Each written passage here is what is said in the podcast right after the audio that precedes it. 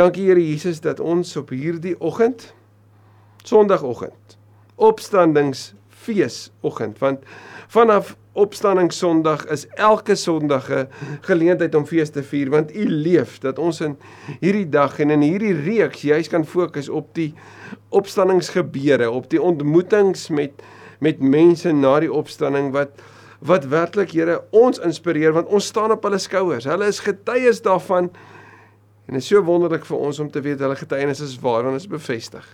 En hulle getuienis is oor U.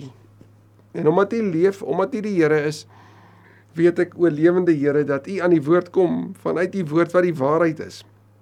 Dankie dat ons vandag met wat ook al in ons lewe is na U toe kan kom. Met waar ook al ons in ons lewe is na U toe kan kom. En en dat ons net kan kom vra asseblief Here, kom ontmoet ons. Kom wees aan U woord. U is heilig, U is groot, U is goed, U is die gans andere en ons hou aan U vas. In Jesus se naam. Amen. Amen.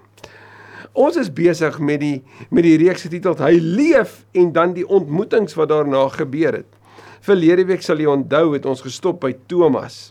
Daai baie belangrike ontmoeting daai Sondag aand die week na die opstanding waarin Jesus tussen hulle kom en uiteindelik is dit Thomas en Fanny het dit vir ons so mooi uitgepak.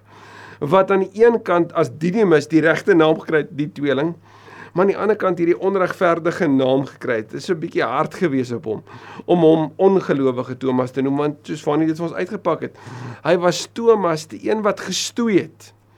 Thomas die worstelaar, eerder as Thomas die ongelowige. Thomas die een wat regtig gestoei het daarmee, maar op wie se belydenis die kerk staan en soos wat Fanny het gewys het, dit was die punt van Johannes se evangelie om by daai plek uit te kom waarin Thomas gesê het: "My Here en my God." want dis wie Christus is. Vandag kyk ons na 'n tweede opstanningsgeleentheid, 'n ontmoeting wat iemand se lewe vir altyd verander het. En daai iemand is nie sommer net iemand nie. Dis die iemand saam met wie Jesus vir 3 jaar so naby gewandel het dat Jesus selfs in sy huis tuis gegaan het. Ja, Jesus was deel van die gesin, die familie van Simon Petrus. Petrus, die rots wat as jy na sy lewe kyk, sou dink, "Jeg, maar hy's alsbehalwe 'n rots gewees, nê?" Nee? Simon wat as jy na hom kyk, net vanuit 'n geloofsbril, jy sê ons, "Jeg, maar sy geloof was was baie soos daai skei waarna hy gesit het toe hy gesê het, "Here, is dit U en as dit U is, sal ek uitklim en roep my, ek sal agter U aanstap." Simon wat ons ontmoet daar in die Lukas Evangelie by die eerste groot visvangs waarin Jesus sê maar gaan weer en en en gooi julle net aan die ander kant uit en vanweë daai belewenis het Simon daar by die see van Tiberias tot inkeer gekom en Jesus begin volg alles gelos ja dit was 'n groot visvangs wat Simon na Jesus toe gelei het Simon wie sy huis so oop was dat selfs die dak van sy huis oop was vir Jesus se bediening. Ja, hulle het sy dak van sy huis oopgebreek. Sy huis wat daar langs die sinagoge was in Kapernaum. En toe sak hulle hy man op die draagbaar af dat Jesus hom kan genees. Daai huis waarin die disippels so gereeld bymekaar gekom het. Daai huis waarin daar voorbeelde was van Jesus se wonderwerke. Daai huis waarin selfs Simon se skoonmoeder genees is en sy daarna onmiddellik begin het om hulle te bedien, want dit lyk asof gasvryheid so deel was van die huishouding van Simon Petrus. Wel dis waar mense in kon kom. Simon was hierdie man gewees met warmte. Warmte in sy hart, openheid van die deur van sy huis. En toe gebeur daai verskriklike donderige aand daai donderdag aand wat hy 3 keer gesê het hy ken hierdie kosbare vriend van hom, hy ken hom nie. Hy het hom misken.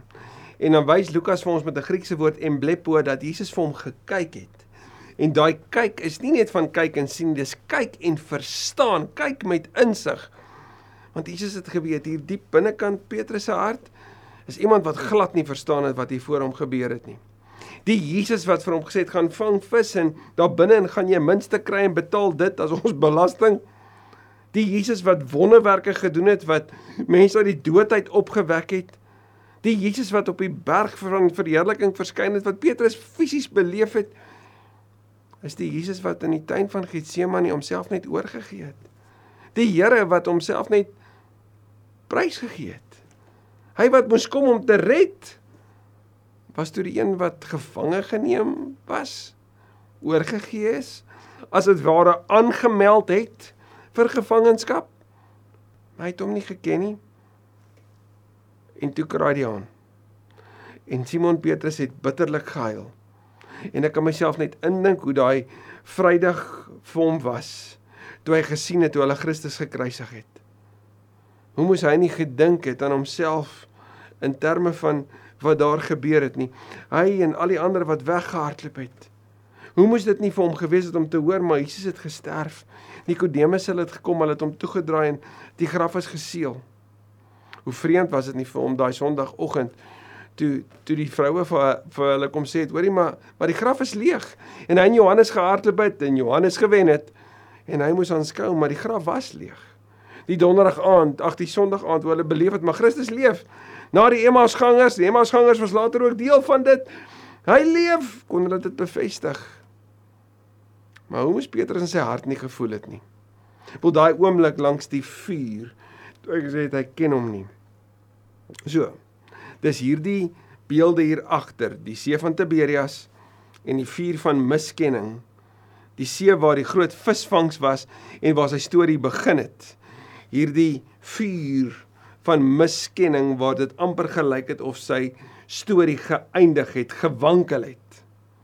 Wat ons nou gaan sien met die opstanding van Christus totaal aan die ander kant kom lê. Ek nooi jou om saam met my te lees in Johannes 21. Dis op die rug van die belydenis van Thomas wat ons laasweek gelees het. Daarna het Jesus weer aan sy disippels verskyn by die see van Tiberias. So daar waar dit alles begin het. Ons is weer terug daar. Dit het so gebeur, skryf Johannes. Simon Petrus en Thomas wat ook Didimus genoem is, Nathanael van Kana in Galilea, die seuns van Zebedeus wat natuurlik Johannes en Jakobus is, die twee vissermanne. En nog twee ander disippels was daar saam. Simon Petrus sê toe vir hulle: "Ek gaan visvang." Want sien, wat doen jy wanneer jy niks anders het om te doen nie? Want Jesus is nie op hierdie oomblik by hulle nie. Hulle is in hierdie tyd van hy was by ons. Hy was by ons die Sondag aand, maar maar nou is hy weg. Hierdie onsekerheid, hierdie onstuimigheid van dan is hy by, dan is hy nie. So wat doen jy? Jy gaan vang vis. Ons gaan ook saam met jou sê hulle vir hom en daar's almal in die skei en hulle het gaan het gaan vang. Maar daardie nag het hulle niks gevang nie. Die vissers van mense het baie power vissers van vis geword. Toe dit lig was, het Jesus daar op die strand gestaan, maar die disippels het nie geweet dat dit hy is nie. Ons sien dat Jesus se se opstanningsverskynings nie dadelik sigbaar is vir sy volgelinge nie. Ek bedoel Maria het gedink hy's 'n tuinier totdat hy vir haar op haar naam genoem het en sy moes sê Rabboni, my leermeester. Die Emmausganger stap al die pad saam met hom na Lukas 24. Al die pad huis toe. Hy lê die hele Ou Testament vir hulle. Hy wys vir hulle hoe alles op hom van toepassing is. Maar hulle verstaan nie totdat hulle die vars merke van sy wonde sien toe hy brood gebreek het. Jesus vra toe vir hulle: "Mense, het julle nie iets gevang om te eet nie?" Maar hy sê dit hier van die strand af, hulle sê end in, nê? Nee? nee, antwoord hulle hom. Hy sê toe vir hulle: "Gooi die net aan die regterkant van die skei uit, dan sal julle iets kry." Nou hulle sal ons onthou 'n vorige keer by hierdie einste see toe hulle dit gedoen het, het hulle totaal verbaas en oorweldig 'n massa vis gevang. En dit het die hele gemeenskap weet geraak uiteindelik. So dis woorde wat vreemd is uit 'n opdrag van iemand op die strand, maar die vorige keer het dit gewerk. En daar's net een persoon wat dit sou sê, nie waar nie? So hulle het nie net toe daar uitgegooi en vanweer die groot klomp vis kon hulle hom hom nie weer intrek nie. So nou is die die nette op 'n plek van waar dit gaan skeer. Die disipel vir wie Jesus baie lief was, natuurlik is Johannes, sê dit vir Petrus, dit is die Here. En as jy jou Bybel naby het, sou ek wou sê maak 'n onderstreping daar of maak 'n merkie daar en vergelyk dit met Thomas se woorde in Johannes 20 vers 28. My Here en my God. En daar sê Johannes dit. Dit is die Here. Toe Pilate sê dit is die mens voor die kruisiging, sê Johannes sê nee. Dit is die Here. Hy is die gans andere. Toe Simon Petrus hoor dat dit die die Here is, het hy sy hemp aangetrek want sy bolhy was skaal en in die water gespring. Ons impulsiewe Petrus, ons vinnige reaksie Petrus, spring in die water. Hulle was nie ver van die land af nie, net omtrent 100 tree. Die ander disippels het met die skuitjie gekom en die net met die visse gesleep. So nou kan jy jouself indink, hoe kom hulle op die strand aan?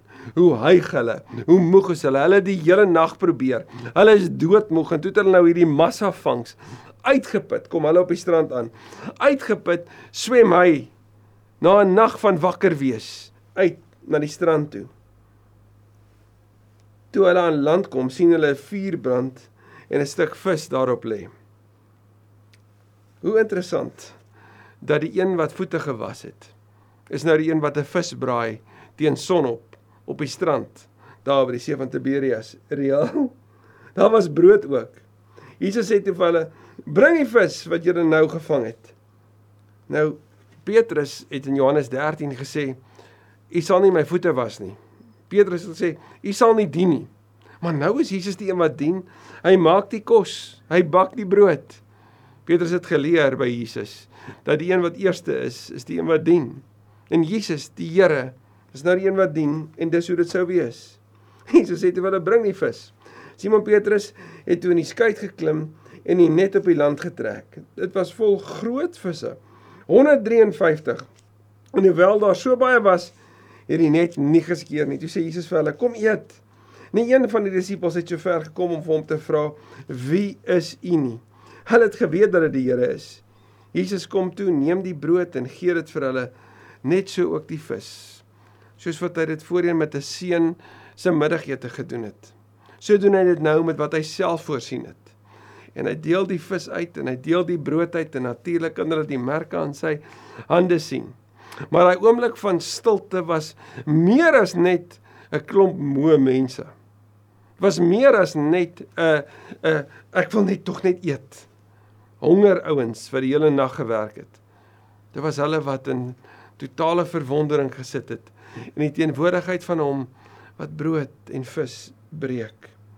Dit was al die derde keer dat Jesus aan sy disippels verskyn het nadat hy uit die dood opgewek is. En toe is daar hierdie kosbare toneel. Die disippels het klaar geëet, maar Jesus het iets op die hart. Hy wil iets deel, maar iets baie spesifieks vir een van hulle, naamlik Petrus. Toe hulle klaar geëet het, vra Jesus vir Simon Petrus. En nou hoor ons hy het hom nie eenkant toe geneem nie, nie vir almal van hulle. En hy vra dit vir hom. Simon seun van Johannes, het jy my baie lief? Meer as hulle hier. En Petrus het mos verklaar: "Here, ek sal U nie verlaat nie. Al sou hulle, ek sou dit nie. Ek sou dit nie doen nie." En die woord baie lief daar is omdat die die die die die Afrikaans beskryf dit as baie lief. Die Griekse woord en ek weet Jesus het Aramees gepraat. Maar die Griekse woord wat Jesus hier gebruik is die woord agape of agapao is die is die werkwoord het jy my lief. Dit dit wys op goddelike liefde. Dit wys op liefde wat nie teenreaksie of terugreaksie verwag nie. Dis weggee liefde. Simon, het jy my agape? Ja, Here, antwoord hy uh, antwoord hy hom. U weet dat ek u liefhet. sien jy daar staan nie baie lief nie, want die woord wat Simon Petrus hier gebruik is die woord phileo. Dis vriendskapsliefde. Dis wederkerige liefde. Ek vir jou, jy vir my. So Jesus sê agapao Petrus sê Fileo. Hy sê toe vir hom: "Laat my lammers wy." Jesus sê hom 'n tweede keer, daar by die vuur, gevra: "Simon, seun van Johannes, het jy my baie lief?" Agapao. "Ja, Here," antwoord hy hom. "U weet dat ek u liefhet." Fileo. Hy sê toe vir hom: "Pas my skape op." Jesus vra toe vir hom 'n derde keer: "Simon, seun van Johannes, het jy my lief?"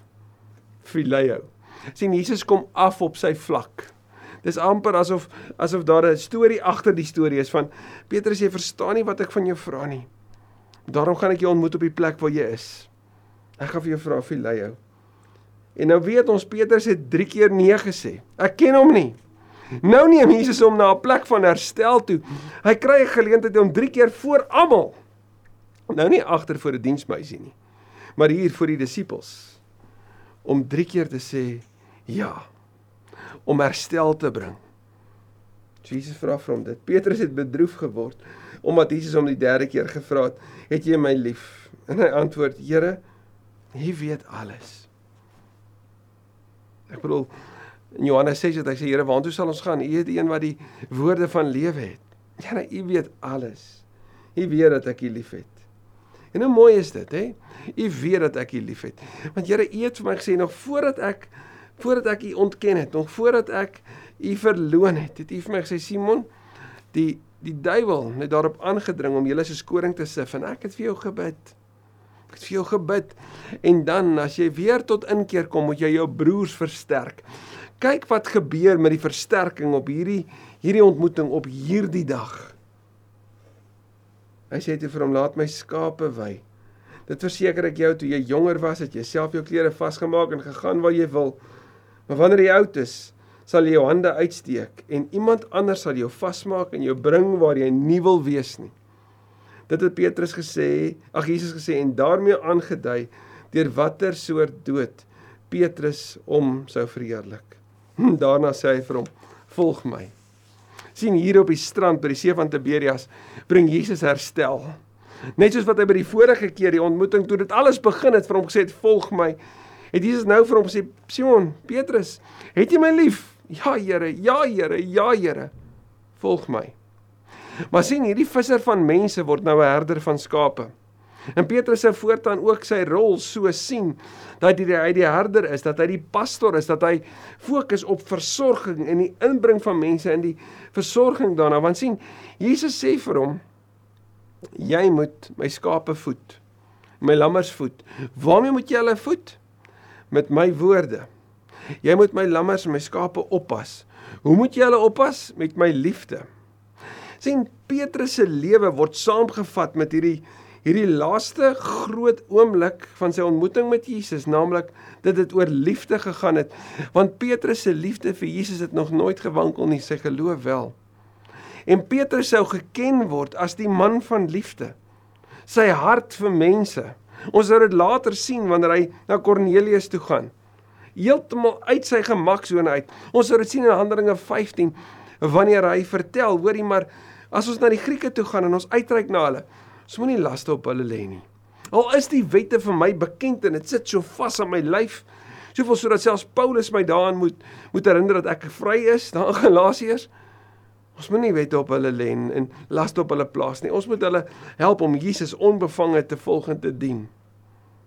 As hierdie liefde wat vir Petrus aan die einde van sy lewe. So maak dit toe Jesus hom sê jy gaan jou hande uitgestrek hê. Een van die beskrywings wat in Seneca en in die smeer se se woorde sou beteken hulle sou hom kruisig. Toe hulle dit wou doen, toe sê hy asseblief nie soos my Here nie, ek is nie werd nie. En hulle het hom onderste bo gekruisig en hy sy lewe so in diens van die Here afgelê. Maar sien toe Petrus hoor, het jy my lief en hy hoor volg my. Toe hoor Petrus, die opgestane Here sê, daar's 'n beweging wat die wêreld gaan raak. Volg my. Daar's 'n beweging waar versorging en en en en voeding deel van jou daaglikse lewe gaan wees. Jy gaan met die woord besig wees en jy gaan met mense besig wees en hy het Jesus gevolg. Maar Jesus het nie net dit vir hom gesê nie. Hy het ook vir hom gesê, daar gaan 'n dag kom wat jy sterf. En met die wete dat hy gaan sterf, het Petrus begin lewe. Werklik lewe. En ons sien dit in sy lewe. Ons sien hoe hy die impak maak. sien Petrus, die visser van mense, die herder van skape wat hul voed en lei, sou alles kon doen. Want hy het besef sy eie gebrokenheid. Daar by die vuur. Die vuur van herstel. Wat eers 'n vuur van ontkenning was, het 'n vuur van herstel geword. Toe hy gehuil het en sê Here, U weet alles. Hy besef sy liefde vir Jesus, maar soveel meer nog. Hy besef Jesus se liefde vir hom. Hy's gewapen met die pynvolle kennis van sy eie dood.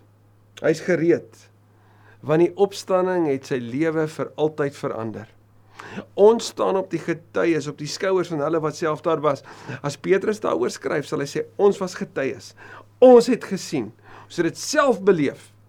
En daarom sou die een wat weggekruip het vir die Romeine een van die eerstes wees wat teruggaan om dit te gaan verkondig. En wanneer hom in die tronk toesluit, en hy bevry word, gaan hy stadsplein toe. Onbevange, onbevrees om te getuig van die opgestane Christus wat sy lewe verander het.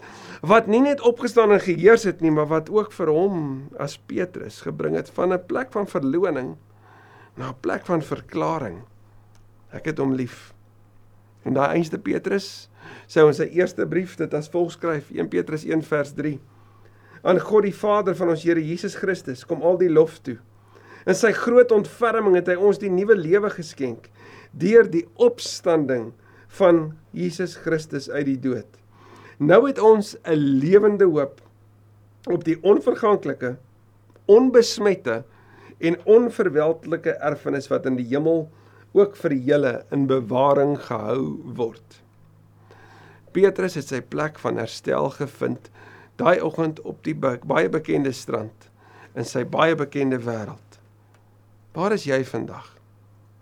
Is jy dalk op 'n plek waar jy sou sê ook ek het dalk in die laaste week, laaste paar weke soos in Petrus se geval, deur my lewe gesê of gewys ek ken hom nie.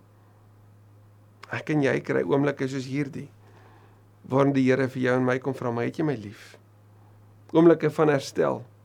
Daar in ons eie wêreld en ons eie bekende omgewing en ons bekende metafore wat vir ons van waarde is, wat aan ons bekend is. Vra die Here die bekentenis. Het jy my lief? En elke keer wanneer ek en jy dit verklaar, dan los hy dit nie daar nie. Jy kry 'n opdrag, gaan doen iets. So hier's my twee vrae. Het jy hom lief? En wat moet jy doen? Amen. Dankie Here Jesus vir u woord wat so ryk, so diep, so relevant is, so tydig is. En met hierdie opstanningsverhaal, hierdie opstanningsontmoeting met Petrus, Here het het ook vir ons vandag iets oopgebreek. Mag dit wat ons by u gehoor het, nie hier bly nie, mag ons soos wat Petrus dit op daai oggend gedoen het, mag ons dit in ons harte vat en dat dit ons lewens sal rig. Dat ons hierdie liefde sal gaan deel. Dankie vir die verantwoordelikheid om na mekaar om te sien. Om te sorg dat voeding gebeur, dat ja, jong lammertjies, soos die kinders in ons omgewing, maar ook jong gelowiges, dat hulle gevoed word. Maar dat die ander ook versorg word, dat dit 'n gemeenskap van liefde sal wees waarin U verheerlik sal word.